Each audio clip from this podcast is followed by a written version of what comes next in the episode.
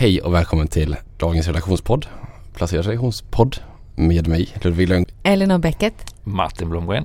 Och Per Ståhl. Och det är fredag den 29. Den 4 29. Det är november Ja. i helgen. Halloween. Eller? Ja, Ja, det är är det. alltid så förvirrat. Jo det är Jag Jo, tror det. Jo det här är min är, Ja, men det är Det det låter inte som att ni ska Min fira son- det sådär jättemycket eller? Min son ska på halloweenfester på förskolan. Okej, Ja, så så kan vi slå fast det. Vad ska vi prata om idag? Massor! Ja, daytrading, Volvo, Och Cars, massor med rapporter. Lite noteringar Netflix? generellt Ja. kanske. Ryssland. Sa jag det eller? Nej det sa jag inte. Men det Jag bara tänkte det. Och Netflix också, precis. Och som vanligt vad vi gjort för affärer. Men det avslutar vi med. Ja. Ska vi börja med Netflix? Ja men Netflix är väl bra. De Mm. kom inte med rapport i veckan i alla fall. Så Nej det var vet jag. förra veckan tror jag, eller förra, förra. Eh, Så den var bra den rapporten. De gick ju, gick ju lite på det. De har ju släppt den här serien Squid Game som ni har sett den. Mhm. Nej. Nej, inte sett Jag har sett Nej. den faktiskt. Med min ena Men jag son. förstår att Ja. du och jag är i minoritet. Ja. Ja, det har jag tränat jättemycket. Alltså jag vet att barn håller på med i skolan kör den här green, green light, red light. När man, som de gör i filmen där som ni har sett. Eller som Per har sett i alla fall. Den sågs ju av eh, två tredjedelar av hela Netflix kundgrupp. Otroligt. Ja. Så den har slått rekord liksom. Det är helt otroligt. Snackar vi hundratals miljoner människor. ja det snackar jag om. De har ju totalt sett eh, 213 miljoner subscribers idag. Så det är otroligt stort. Och den har varit ganska billig att producera vad jag förstår. Alltså relationen. Mm, det kan Till- jag tänka mig. Jag vet att han som producerar den har fått väldigt mycket nej innan. Och sen nu äntligen fick han godkänt och det har gått otroligt. Ja, de väx, växte subscriberbasen med eh, 4,4 miljoner i kvartalet. Var det bra eller? Var det över förväntan eller? Ja, jag tror det var ungefär vid förväntningarna, lite Mm. över kanske. Mm. Eh, om man eh, redovisar omsättningstillväxt och de växer fortfarande även fast de är så stora. Och det finns ju en enorm marknad kvar att ta. Vi ska liksom bli 8 miljarder människor på den här planeten och man är, redan- man är uppe i 213 miljoner. Men hur många finns som har köpkraften och kunna betala? Jag antar att det blir fler och fler med hjälp av eh, ökad medelklass runt om i världen. Så det är ju en megatrend de rider på liksom. Plus att de, eh, faktum att de har höjt priserna 10% sedan 2014 i USA varje år. Ja, det det finns ju en jäkla pricing power i Mm. affärsmodellen. Men eh, är det inte så också att de förlorar så väldigt få? Jo, de har väldigt låg churn rate. Det är 2% liksom mot, jag tror det var Disney Plus som hade 5% och HBO typ 6%. Så de har ju lägst av alla konkurrenter. Och, med, och om man kollar på undersökningar och sånt så ser man ju att Netflix är liksom, det är ju den som har mest värde enligt väldigt många. Och jag Mm. tror det är liksom basvalet för alla, allihopa här. Ja men tror det jag. tänker jag så här spontant. Jag är ingen superprenumerant. Eh, prenumerant. så vi har en sån. Ja, vi, vi har bara en och då, då är det Netflix. Det känns Mm. som att har man en då har man Netflix. Och dessutom min svåger som betalar för den. Jaha, ja, det är ju bra. Det är perfekt ju. Ja. Men eh, ja, så känns det lite Ja. att det liksom är Och sen första. mm, ja, jag tror verkligen det. Första man tecknar och den sista man säger upp kanske. Mm. Och sen har man alla tilläggstjänster då, som Disney Plus där man får lite annat och kanske HBO och de här. Men de, jag såg, du skrev ju om dem i veckan. De tittar på att eh, erbjuda spel också då? Ja, det sina- kommer de här- erbjuda dataspel helt gratis så det kommer väl bli som, alltså det, det adderar värde till tjänsten liksom. Ja. Eh, Så de kommer väl börja här nu och göra det och så kommer de göra säkert filmer och serier om detta då, sina dataspel så man får lite mer inlevelse i rollerna typ kan man säga. Och sen får de ju en jäkla konkurrensfördel med all sin data de har. Så de kan ju ge oss bättre, ja vad vi tycker om att kolla på, bättre förslag. Det har ju inte Disney de här på samma sätt. Som man säkert märker också när man går in där. Så ofta får man ju upp väldigt bra förslag tycker jag i alla fall. Mm. Men värderingen då? Den är väl ganska... Ja det är ju den som är hög. Ja, men den har ju alltid, det är ju alltid högt liksom. Det har inte, varit, det har inte visat sig vara fel att köpa den innan så jag tror det finns inget som liksom talar emot direkt. Bara de fortsätter producera bra innehåll så tror jag att det kan vara läge att hoppa på aktien. Har, de, har de pratat någonting om eh, möjligheten att ha annonser eller reklam på? Nej det vet det. jag inte. Det skulle ju vara en Ja det skulle enorm potential i, Men de har, för deras del att plocka in vi mer kommer nog få på- se dock högre bruttomarginaler och sånt där ändå på grund av alla prishöjningar. Alltså de har ju möjlighet att verkligen höja priserna. Mm. Så det är väl det som är lite grejen. Hur har eh, kursen gått? Aktiekursen? Den är på all time, high nu tror jag igen. Så ja vi får se. Men det Men- där är spännande. Mm. Då tänker jag, det är ju ett fangbolag. Mm. Och nu blir det verkligen Fang nu? Blir det inte Mang? Jag tänkte på, det var ett namnbyte igår. Facebook, ja. Meta. Facebook till Meta. Mang, Mangman kanske. Man pratar om. Fangman innan. Ja, det, det är väl inte helt onaturligt eftersom Facebook bara är en av deras ben där de har eh, Instagram och massa annat. För jag och Elinor snackade om Facebook igår. Vi tänkte ju faktiskt gå in och köpa lite Facebook. Ja, vad, vad, vad funderar där? Men ingen av oss gjorde det Nej. jag kollade lite på värderingen och den ser ju inte alls så farligt hög ut och de har ju, jag tror 500 miljarder kronor i kassa. Mm. Så det är ju helt galet mycket kassa. Mm. Det är väl de här regulatoriska. Ja, det är väl det som är grejen liksom. Och sen den nya iOS-grejen också har ju påverkat dem med data. Ja, de fick ju en körare ner innan rapporten när Snap då dök ganska Mm. mycket på just på att eh, iPhone-användandet, eh, möjligheten att ställa in integritetsskyddet eh, lite stramare där då, hade påverkat annonserna för Snap. Men den steg väl lite på den här Ja, jag tror det. Det meta-nyheten var alla så det kanske var dumt att vi inte slog till det. Ja, kanske en bra trade. Ja men då, apropå Fangman eller Mangman, det har ju varit lite blandat utfall faktiskt på, på de här rapporterna hittills. Det har ju nästan varit så att de över hela linjen har varit bra men eh, igår kväll kom Amazon och Apple som var inte dåliga på något sätt men inte bättre än väntat utan framförallt Amazon lite sämre vinst. Så att, eh, när USA-börsen öppnar på riktigt idag så kommer väl de att få en liten körning neråt. Ja, de guidar för högre kostnader så Mm. under Q4. Och. Men vad tar du med dig från den här veckan då Martin, du som har bra koll på rapporterna?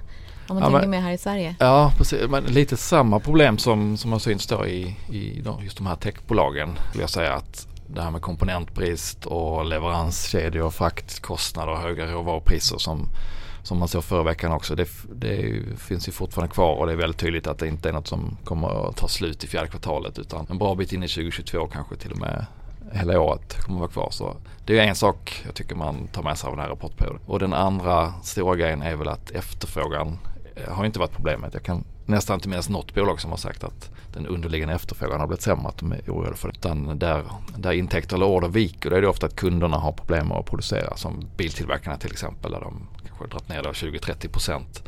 Och eh, många pratar om att svårigheten är inte bara nedgången i sig utan att det blir så otroligt ryckigt att att eh, kunderna säger till på måndagen att ja, men från och med fredag vill vi inte ha de här komponenterna på ett tag.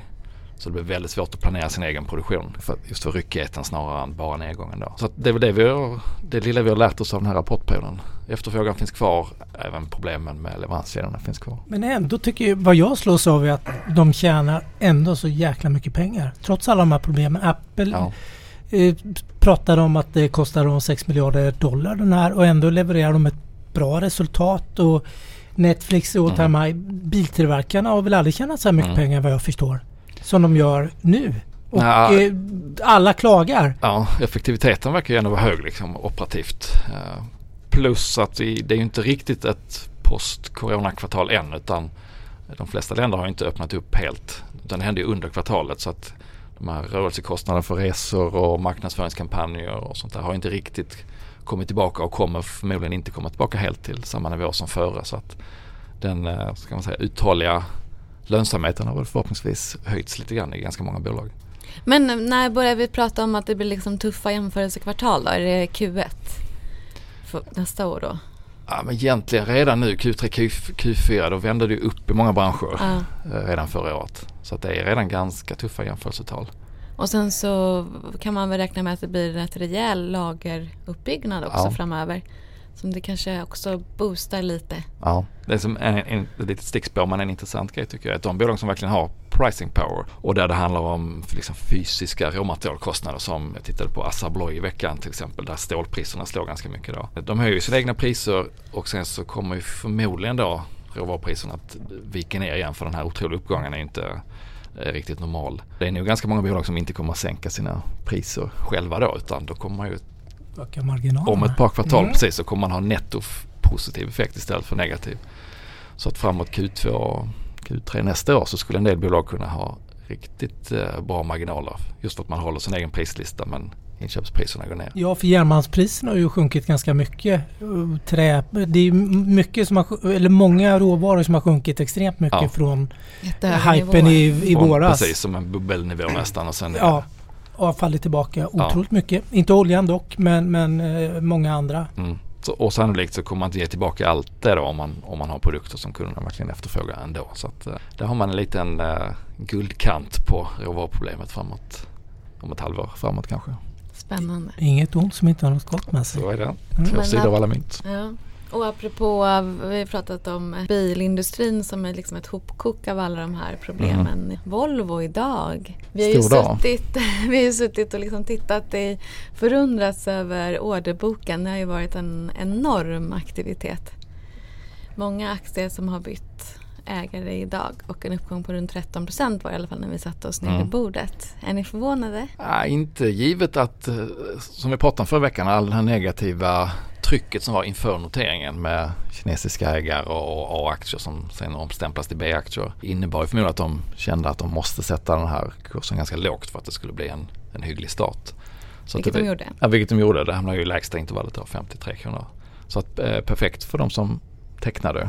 Så att, Mm. eh, på det sättet är jag inte så förvånad. Precis, de 200 000 spararna som Ja. tecknade. Det är helt otroligt. Men det, men, eh, det är ju en optimal dag för en daytrader. Stor, stor aktivitet. Eh, alltså stor Stora likviditet, rörelser. stora rörelser. Eh, många som ska in och ut. Mm. Jag tittar på dig Elinor. som- Ja, jag, jag förstod nästan det. Jag tänkte ifall någon ville säga du, mer hade- om, eh, någonting mer om Volvo. Jo, jag, jag har faktiskt, jag tänkte på likviditeten är väldigt god idag. Free floaten är runt 17-18 procent. Precis, strax under 18 tror jag det blev till slut då. Hur lägger du, du har ju blivit lite av en indexspecialist här. Jag tänker på hur är det jämfört med Traton och när vi pratar andra typer av bolag som inte har någon superstor eller free float. Trotton har ju lite mindre och, men det är ju ett annat, ett annat djur skulle jag säga. Dels är det ju inte ett konsumentvarumärke på samma sätt ju. Det är ju Scania men det är via Trotton och det är tysk noterat så att eh, Volvo de bilar har ju en helt annan kännedom bland allmänheten. inte- Ja, men jag tänker mer inte, index. men, hur, hur tror du det kommer bli Ja. behandlat i index nu? För det, det, det är hyggligt. Ja, det är inte jättestor free floaten. Nej, Hur man än vrider och vänder på det. ja, det är en bra fråga men man ser ju omsättningen här som fullständigt skenar iväg. Nu är det ju en speciell första dagen såklart men, men det är Mm. klart med ett börsvärde på vad blev det 160 miljarder tror jag de gick in på det ungefär. Så kommer det vara högre omsättning så att de borde ju ganska snabbt leta sig in i OMX30 och, och få liksom en hög likviditet. Även om det är lite lägre free float än i många andra bolag. Men sen så väldigt många som ju kommer måste äga. Alltså Ja. institutioner, fonder och sådär som. Ja, ja, när det kommer Ja. in index måste det ju ägas. Precis. Ja, det, Men idag har vi liksom 200 000 sparare som fick köpa för typ 6 000 spänn var och kanske Ja. ville gå ut snabbt också. Alltså det blir, ju- den här dagen kan man inte riktigt använda som uh, måttstock ju, men jag skulle gissa att det blir, att det blir ganska bra likviditet i, i aktien. Och då kan man väl sk- skänka en, en eh, liten stackars tanke till Synsam som också noterades idag. ja, hur blev den? Men när jag kikar då upp 7 procent Ja. ändå. Så eh, det gick väl ändå bra. Ja. Men kanske inte så uppmärksammat då när man prickar in samma dag som Äh, fel dag om man vill ha mediauppmärksamhet. Men du sa daytrading. Ja, du skrev en väldigt bra artikel som gick igenom vad ska man säga, de viktigaste punkterna att tänka på innan man eh, kastar in uppsägningsavtalet och ger sig på daytrading på heltid. Är det någon av er som eh, har funderat på att syssla med daytrading? Man- Man kan inte skaka på huvudet när man poddar vill jag säga. Men, Nej. Absolut inte. nej, Nej. men jag tänker att alla ni här runt bordet, inklusive undertecknad, kanske är mer intresserade av själva bolagen än av hur aktiemarknaden liksom rör sig och fungerar. En bra daytrader är liksom egentligen kanske ganska blind inför vad som händer i själva Mm. bolagen. Det är ju rörelserna i aktien som spelar roll. Som du sa, idag är ju ett jättegyllene tillfälle med eh, hög likviditet och stora rörelser i- Volvo.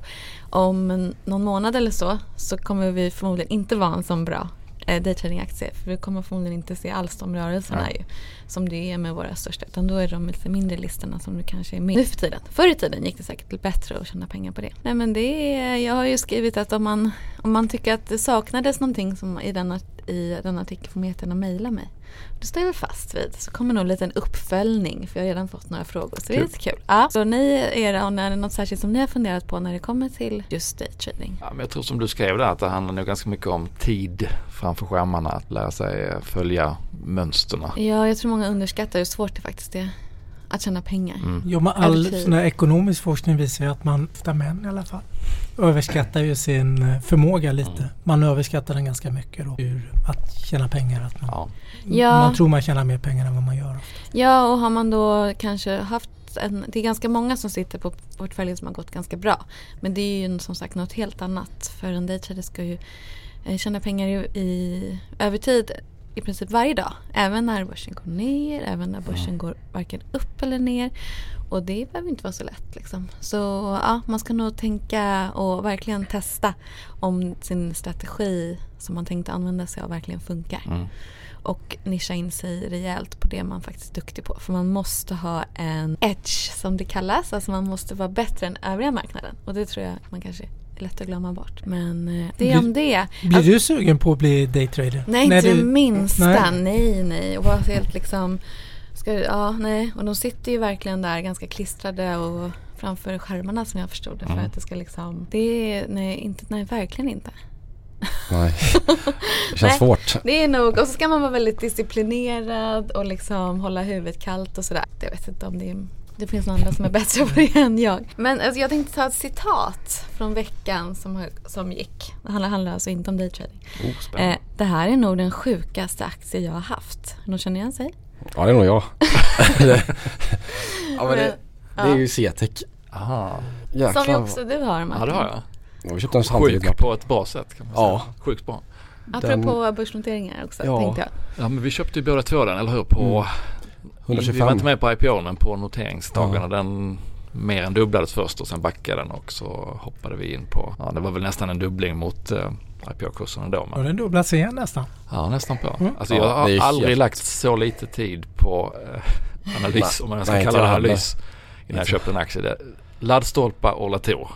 Det var de tre sekunderna ungefär som jag investerade i analysen. De Och det räcker långt. Ja, Det räcker långt.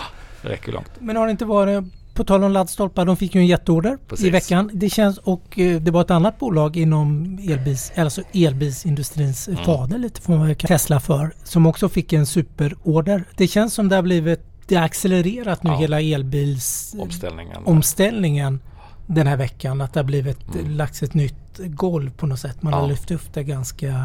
Precis, Tesla det var ju från eh, biluthyraren Hertz som la jätteorder och den andra ordern som med Citec då det var ju att GM kommer att eh, låta Citec tillverka 40 000 tror jag ladd Ja, det var något sånt där. stolpar eller laddenheter då för sina kunder. Men ni håller kvar? Vi håller kvar. Ja, än så 30 länge. dagars Ja, perioden är förbi. Ja. Ja. Nej men jag tror på det på sikt alltså. Jag tror det kommer bli bra.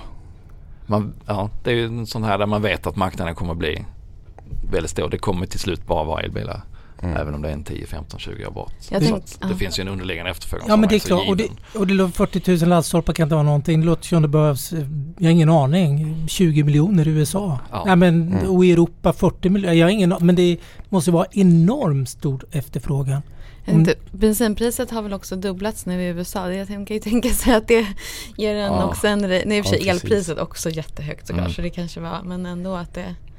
Ja men när hyrbilsfirmorna byter ut sina och alla som har tjänstebilar då är det ändå ganska kort eh, cirkulationstid på man byter korta cykler. Så att som vanligt det tar längre tid än man tror innan det kör igång men när det väl kör igång så brukar det gå ganska snabbt med sådana förändringar. Alltså jag tror det är genialiskt med hyrbil. För då hyr man en Tesla och får köra den någon Mm. tid. Någon dag eller några dagar eller en vecka om man är iväg på semester. Eh, Så kanske man blir verkligen biten och sig för det. Och jag såg att Hertz, de ska inte ta något. Du kommer att kunna ha den gratis rent eh, tankaren Ah, el. okej. De står för den kostnaden vad jag förstår. Så det, Mm. du hyr en bil, du vet exakt vad det kostar. Du kör Mm. dina mil och lämnar tillbaka den. Och inget meck med att hålla på och tanka och sådär. Gud vad jag, jag var så framför mig där när man så här, åker runt vid flygplatsen och försöker hitta en mack. Mm. Det är ju fantastiskt att slippa det. Men eh, jag tittar också Ska du på hitta en dig då. laddstolpe istället? Ja men jag tänker att man laddar ju på, då, då fixar ju de det. Ja. Då har ju de laddning där. Men, men, men Per, jag tittar på dig då, fondexperten. Också det här flödes, disclosure-förordningen. Det kommer mer och mer det här att det liksom artikel 9 att man ska ha en sån här mörkgrön fond där man ska investera i den här typen av. Det är väl även det som det måste ju även fortsätta vara en jättestark trend eller? Ja, jag såg siffror tror jag förra veckan och det är ju fortfarande rekord. Det var rekord i fjol och det är fortfarande rekord i år. Och nu såg jag att några av de här riktigt heta aktierna som gick sådär otroligt mycket förra året. Enphase levererade en det. galet stor bra rapport nu och börjar gå igen. De har ju gått ganska dåligt. Jag tror det gick upp 22 procent och sånt där på den dagen. Ja, för, för då, många av de aktierna hade ju en liten eh, De har ju haft ett jättetufft första kvartalet var ju ganska Det var en riktig sån eh, ESG. Mm. Och nu såg jag att det var jättestor efterfrågan. Det var det som var grejen Mm. som jag fångades upp i just den face-fallet. Det var att efterfrågan, ordnarna kommer nu. Och det är väl lite, du sa det ju nyss, energipriserna är ju på extremt högt. Ja, oljepriset är inte all time high men det, är, det spelar ingen roll för det är fortfarande, det är all time high i alla fall när man tankar eh, Ja, om man åker till sin, ska Vi tanka som bilen. inte har en Tesla. Nej men nej precis, för jag tror både bensinen och dieseln är väl över, det är väl nästan 18, 19, 20 spänn. Vad jag har fått lära mig, vi är näst dyraste i världen efter Hongkong tror jag. Mm. Men det spelar ingen roll, det är skatter och sånt. Men hur som helst, all time high på de priserna också. Det driver väl också på efterfrågan. Och Tesla var väl mest köpta bilen nu i Europa så jag. Mest köpta elbilen. Nej, den mest köpta bilen vad jag förstår. Och det är första gången det är en icke-europeisk biltillverkare som står som har tagit sig högst upp i Europa då som vi har en uppsjö av biltillverkare som vi vet. Ja men det får koppla tillbaka till Volvo. Det finns ju en anledning till att de ser att de måste göra den här omställningen och de är ju inte längst fram på något sätt nu, Volvo Cars. Ja, så att vi inte blandar ihop det med lastbilarna. Eh, men de är ju ett av de bolagen som har den mest aggressiva takten på omställningen. Att de då redan 2030 ska vara helt elbilar och 2025 hälften. Så att eh, det blir ju något att följa för alla, vad sa du, 200 000 nya ägare. Eller? Och de lyckas med det. Räcker de här 20 miljarderna då? De vill ju ta in 25 först, sen skalar de ner till 20. Och de har ju i kassan sen tidigare. Så att De, har, de har rätt, gått eh, ganska bra under ganska lång tid. Ja, de har positivt kassaflöde. Och, så att de har ju en ganska rejäl kass, stor kassa för att göra omställningen. Sen eh, mår ju lång tid tills de ska vara halvvägs då, 10 år till eh, helväg. Så att det är klart att det hinner hända mycket då. Men det kommer ju att kosta en hel del att utveckla egna, egna elmotorer. De ska ha en egen liksom, central dator så att de, som, som styr hela systemet i, i bilarna. Så att det är ju en, eh, det är en jätteomställning de har ställt sig in på att göra. Men det är rätt häftigt. Nu är inte Pekka men det låter ju som att det här kommer att driva BNP och allting nu. För det kommer göra så mycket kringinvesteringar. Det kommer krävas oerhörda investeringar. Och du ska att skrota få- gamla maskiner. Allt det där ska ju ut liksom. för att by- Batterifabrik kommer hamna någonstans i Sverige förmodligen då som, eh, till, som Volvo och Northvolt samarbetar om. Ja, EUs klimatmål om att man ska vara koldioxidneutral nation, äh, nation höll jag på att säga, kontinent 2050. Det krävs oerhörda investeringar. Så det är ju som en av alla megatrender som man, man kan rida på som investerare om, om man väljer rätt. Ryssland, Ja, det, är lite Nu är jag där igen. det blir lite den gamla ekonomin. Jag skrev ju några Rysslands ETFer i veckan. Jag har fått lite mail om det. Nu har ju Moskva-börsen seglat upp till en av årets absoluta vinnare. Och det är såklart ett oljepris Mm. på, vad har det gått upp? Det har gått upp 65 procent tror jag när jag skrev om det i år. Tror jag, och bränt, bränt bra bit över Och 80 dollar. gaspriserna. och gaspriserna då, det finns ju inga riktigt bra, det finns ju massor med olika priser. Det finns brittiska gras och holländska Mm. och så vidare. Men även de har gått upp otroligt mycket och de är i alla fall definitivt på all time high. Och Ruben måste ha stärkt massor också. Ja, massor har den inte gjort men den har stärkt Inte? 6 procent i alla fall. Eh, Men du har en poäng för det är Det slår väldigt mycket om det, man det är har inte så många valutor som har stärkt mot dollarn i år. Dollarn Mm. var ju ganska svag i fjol. I år har den varit eh, betydligt starkare. Det vet ju vi som har svenska kronor för kronan har ju tappat hyggligt mycket mot eh, dollarn i år. Så det har hänt mycket men det är intressant. Det är lite gamla, motsats till elbilarna då så är det väl lite den gamla, den gamla ekonomin det är mycket energi. Men det finns mycket annat. Mm. Jag gillar ju Yandex. Det är ju lite, man säger, Rysslands motsvarighet till Google med sökmotor och de har mycket kringtjänster. De har taxi, eh, de har taxibilar, de har motsvarande hemkörning av mat eh, och de har Yandex Market som man har satsat mycket på. Alltså en sån här marknadsplats, tänk Alibaba, där Mm, man kan köpa mm. och sälja varor. Som visade positiva siffror för första gången då. Så nu har investerarna tyckt att man fick ett kvitto på att den strategin fungerar. Och de blivit- hittar man på USA-börsen eller? Om man vill. Ja, de hittar man både på Nasdaq-börsen Ja. i USA och på Moskva-börsen. Bolaget har laggat avkastningsmässigt på det Nasdaq-index och definitivt Moskva-börsens index. då. Så den eh, tyckte jag var lite spännande. Det var lite li- Ja. kring Ryssland men det, Ja. det finns ändå, det händer mycket. Ja, men även, även om elbilar är på väg snabbt upp så är det fortfarande den, en liten del av den totala eh, bilflottan och alla de andra ska ju tanka så att det kommer ju vara en efterfrågan på Mm. olja och diesel och bensin och både till uppvärmning och till eh, fordon under väldigt lång tid. Så att de här bolagen som ingen vill, som få investerare vill ta i eller som, som av ESG-skäl man ratar, de kommer fortfarande tjäna otroligt mycket pengar under lång tid. Så att Jo, där finns ju något. särskilt när också kärnkraftverk och sånt där stängs Ja, men ner. som Tyskland så, gjorde. Och så, så när Ja. kolen är ju sån jättesmutsigt alternativ. Så, ja. Naturgasen är ju mycket, mycket eller betydligt renare än kol. Och i och med att Tyskland stängde ner alla sina Mm. kärnkraftverk då då.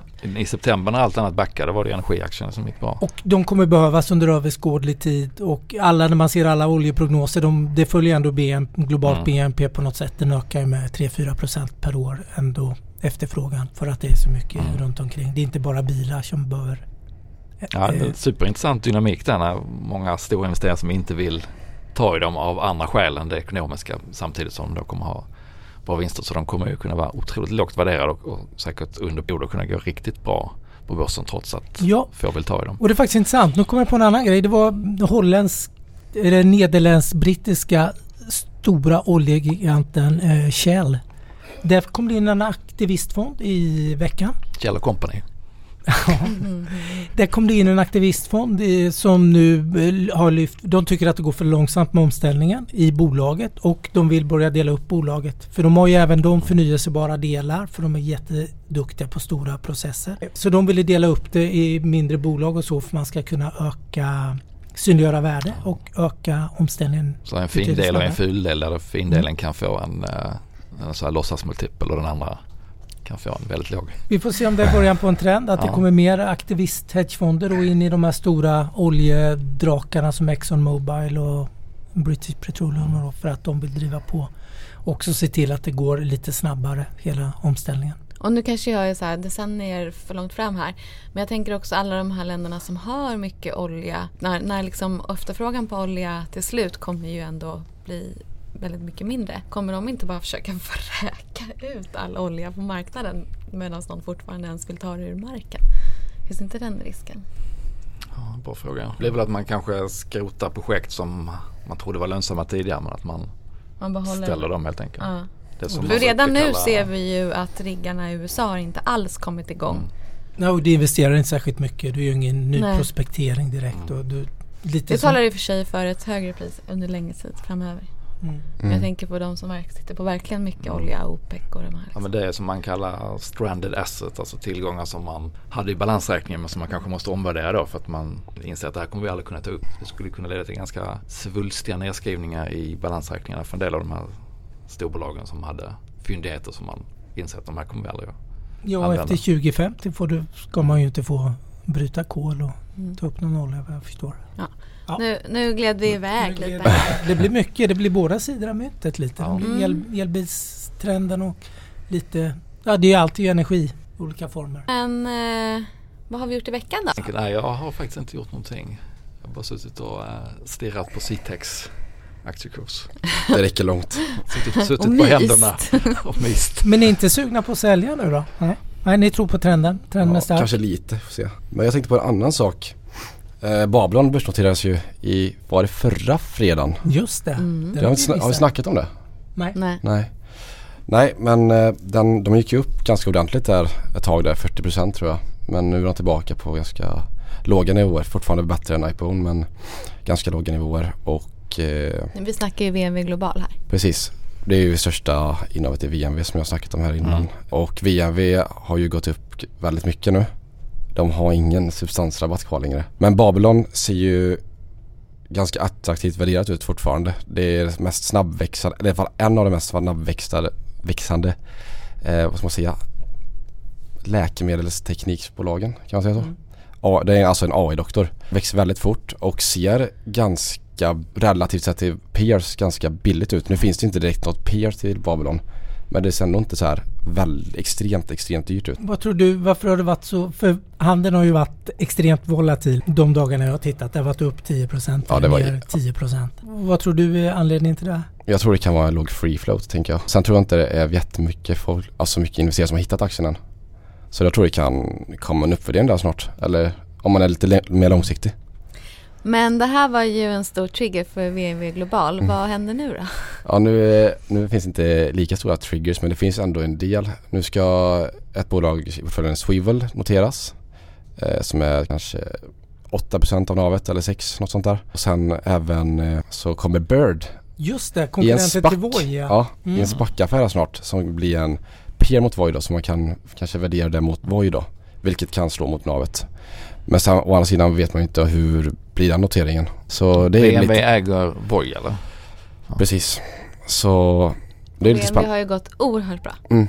Jag vet inte vad den är uppe i år men Nej den är inte upp så mycket i år. Det är mest ner det sen senaste. innan. Ja. Ja. men den är upp, jag tror det, är 40% på tre månader kanske. Så den har väl, ja den har gått starkt. Ska du sälja nu?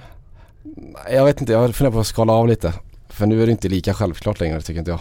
Men det är ändå, jag tycker ändå det är spännande fortfarande. Jag tycker Babylon är spännande fortfarande. Men jag kanske köper lite Babylon då. Vi får se. Det, men jag har inte gjort några affärer. Du då Per? Nej, jag har inte gjort en enda affär. Jag har ju lyssnat på era bra affärer. Men jag fick ju lite Tesla-boost i veckan i alla fall.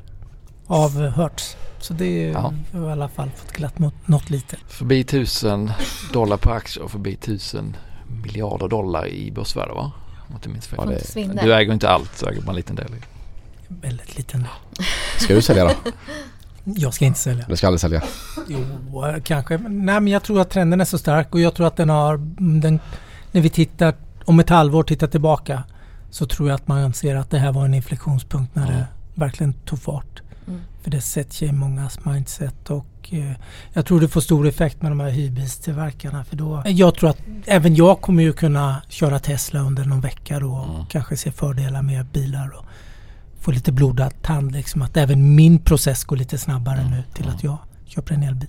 Så jag tror att det blir mycket ringar på vattnet. Elinor då? Står hoppet till dig? Nej men jag köpte ju faktiskt eh, Hello Fresh. Jaha. Jag tror att vi har pratat om det någon gång här kanske i podden.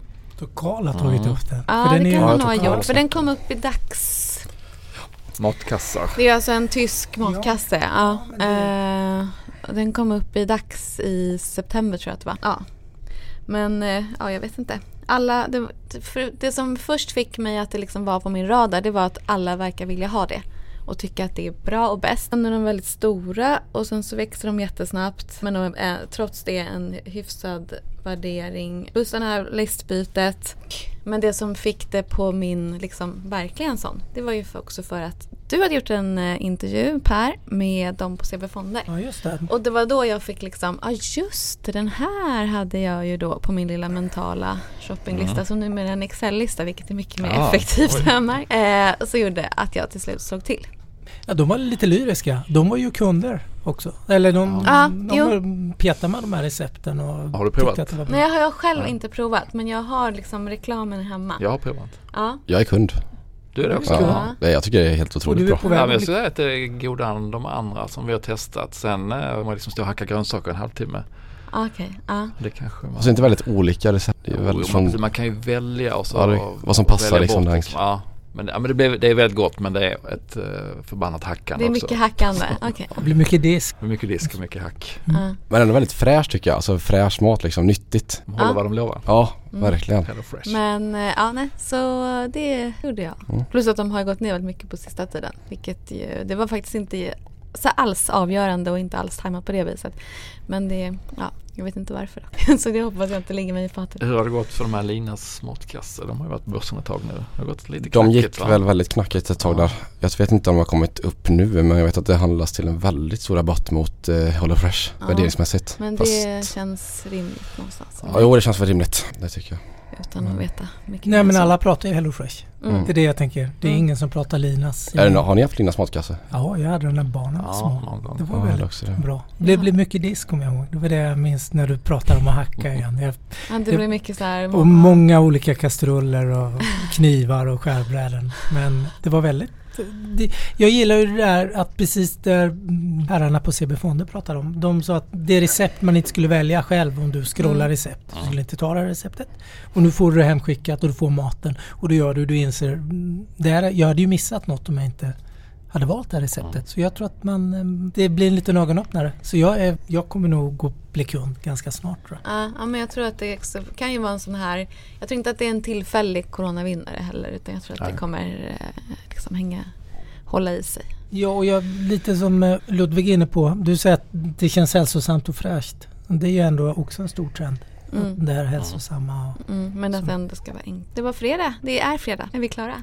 Ja, Jag tror det. Det tror jag. Jag ja. jag har tömt ut allt vi utlovade i början eller? Ska vi säga trevlig helg då? Nej, jag tycker vi ska önska en trevlig resa till Ja, unge Ja, det. mannen här som ska iväg här nu. Som har... Lämna oss igen. Jag lämnar er igen. Men jag kommer tillbaka snart igen, tror jag. Jag hoppas- det i alla fall. Om jag får. Ja. Nej men det gör jag. Trevlig Ja. resa Ludde. Tack så jättemycket. Och trevlig helg. Kul att ha varit här. Trevlig Ja. helg. Tack och hej. Trevlig helg.